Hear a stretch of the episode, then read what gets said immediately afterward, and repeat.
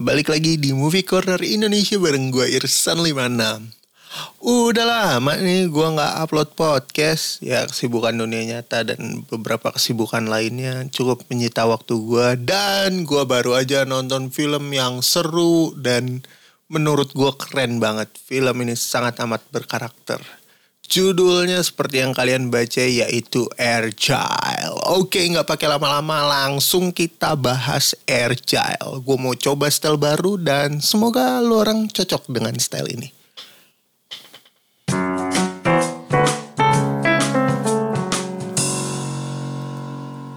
Oke, Agile. Seperti biasa, sinopsis dari Agile. Seorang penulis yang menulis novel tentang espionase tentang agen rahasia dan uh, sindikat mata-mata dunia.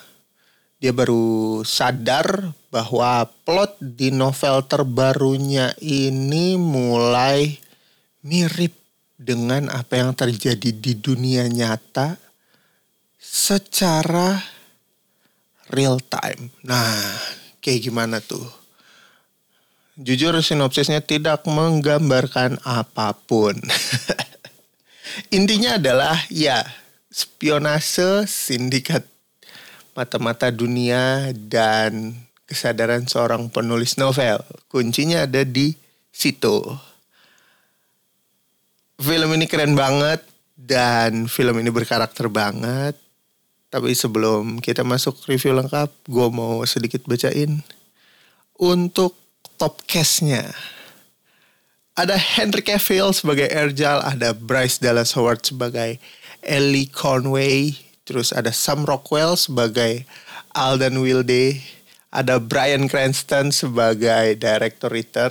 Ini bapak-bapak satu ini habis jualan narkoba tiba-tiba jadi director di salah satu agent mata-mata eh salah sindikat mata-mata dunia.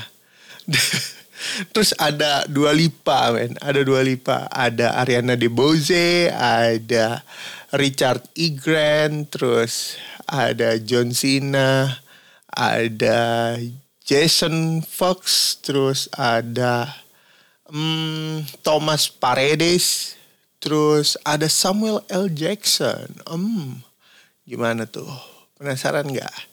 Disutradarai oleh Matthew Vaughn, ditulis oleh Jason Fox, terus ya rating dari IMDb sekitar di 6 per 10. Nah agak sangat disayangkan.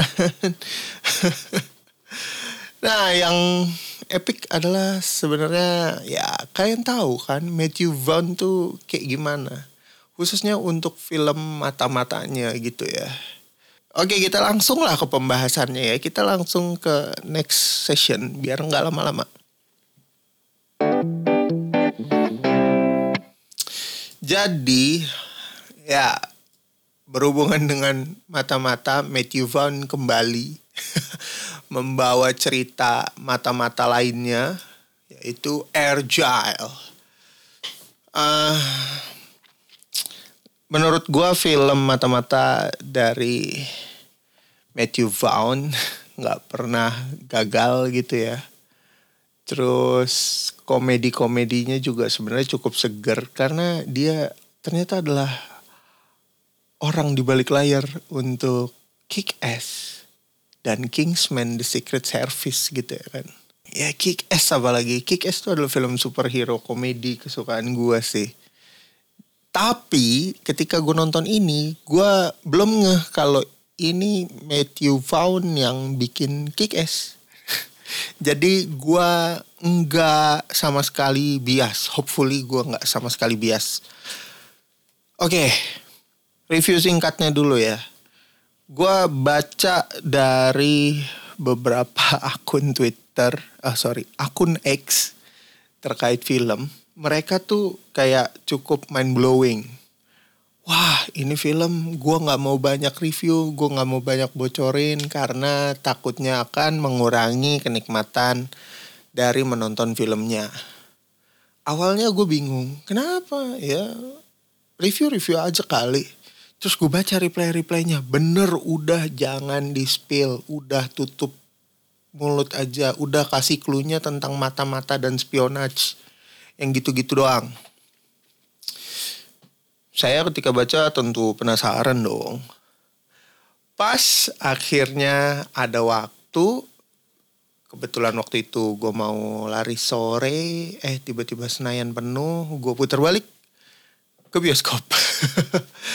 kebetulan Agile nggak terlalu rame sore itu gue pilih yang paling malam dan unfortunately hampir penuh hampir penuh. Ternyata lumayan antusiasmenya di termasuk minggu-minggu awal. Terus ketika gue nonton gue kayak mind blowing. Kok bisa kayak gini? Kok jadi begini? Kok jadi begitu? Terus banyak banget surprise dan twist yang gue temuin di film ini. Uh cukup amat sangat menyenangkan dan cukup bikin gregetan gitu oke tentunya yang gue suka dulu ya yang gue suka dulu pertama adalah castnya ya gimana ada John Cena Henry Cavill ada Brian Cranston oh my god itu apa-apaan gitu. Ini top tier semua. Aduh, aduh, aduh. Terus ada Dua Lipa juga di poster ya kan. Cuman uh, beberapa tempat posternya tidak menggambarkan sih karena gambarnya kucing. Sayang banget. Uh, itu yang gue suka. Pertama case-nya. Terus yang kedua ceritanya gue jatuh cinta dengan ceritanya dia meskipun mungkin bagi beberapa orang kayak apa sih cetek banget apa sih kok gue nggak ngerti ya lo kalau nggak ngerti berarti kurang banyak referensi kayaknya cobalah nonton yang lebih banyak lagi apalagi tontonan ya film-filmnya Matthew Vaughn lah paling enggak. Jadi tahu emang karakter manusia ini tuh begini kalau bikin film gitu loh.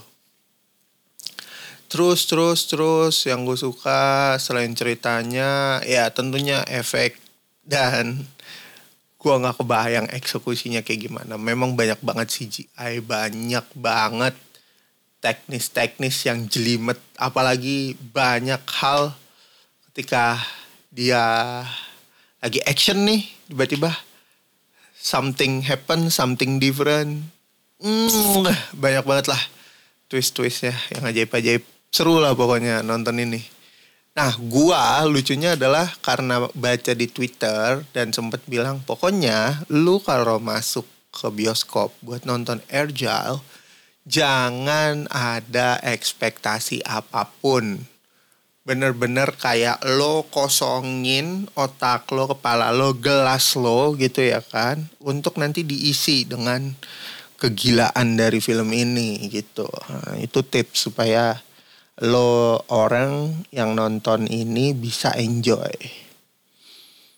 Yang gua nggak suka sayangnya juga ceritanya karena surprise-nya terlalu banyak dan masih berasa cetek di beberapa hal terus ada hal-hal juga yang bisa dibilang kurang menguatkan. Hmm, gue nggak bisa cerita lebih banyak, tapi kalau lo udah nonton lo mungkin akan tahu maksud gue. Ah, terus beberapa peran terasa kayak buang-buang duit. Ya, it's Apple Company anyway yang ngebikin ini eh gue nggak tahu ngebikin apa kerjasama ya buat jadi publisher ya semacam itulah pokoknya itu terasa buang-buang duit sih untuk beberapa hal gitu. Khususnya juga beberapa cameo. Ya buang-buang duit. Tapi justru itu yang bikin uh, surprise-nya makin ger. Terus apalagi ya kekurangannya? Ya kekurangannya kalau lu tidak mengosongkan isi kepala lu, isi pikiran lu dan gelas lu sih masuk ke sini bakalan kesel, bakalan sebel. Nah, sayangnya lo nggak akan pernah tahu tentang hal itu kalau lo nggak baca-baca informasi atau dengerin podcast gua jadi sekali lagi untuk menikmati film ini lo harus benar-benar ngosongin kepala lu, ngosongin pikiran lu, ngosongin gelas lu untuk diisi dengan dunia fantasi dari universe-nya Erjal. Oh, satu lagi yang gue suka. Di mid creditnya ada surprise yang lo nggak akan sangka-sangka sih. Jadi kalau bisa ya nonton mid creditnya ya. Mid credit mid creditnya cepet kok, cuman satu juga anyway. Nah, sayangnya Erjel ini kayaknya udah mau turun layar ketika podcast ini diupload. Karena kalah pamor dengan film lokal kita agak lain. Jujur gue belum nonton. Sebenarnya gue awalnya nggak terlalu tertarik dengan agak lain. Tapi ternyata animonya kuat sekali. Hampir 5 juta penonton sih ketika gue mau bikin podcast ini. Gue cukup kaget sih dengan hal itu. Hmm, ya mungkin episode selanjutnya gue akan bahas agak lain. Yang setuju tolong isi polling di bawah dan kasih komentar. Apalagi ya, itu aja sih buat Agile. Gue sih suka ya, film ini tuh kayak duren men.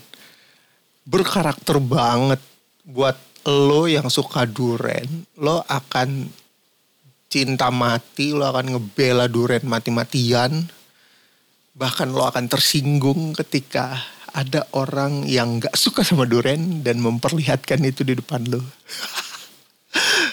Begitupun juga sebaliknya. Film ini tuh kayak duren. Kalau lu gak suka, lu akan sangat amat membencinya. Benar-benar membencinya. Bahkan ya gue agak-agak tricky gitu kalau mau ngasih saran buat orang nonton Agile. Tapi yang jelas itu ya, kosongin kepala lu, pikiran lo, gelas lo, lo masuk ke studio itu blank canvas. Atau ketika lo mau nonton film ini harus blank canvas. Biar dapet twist dan mind blowingnya. Keseruannya di situ men, asli. Udah itu aja. Gua mau nonton film lain lagi. Makasih buat yang udah dengerin. Gue Ersan pamit. Sampai ketemu lagi di episode selanjutnya.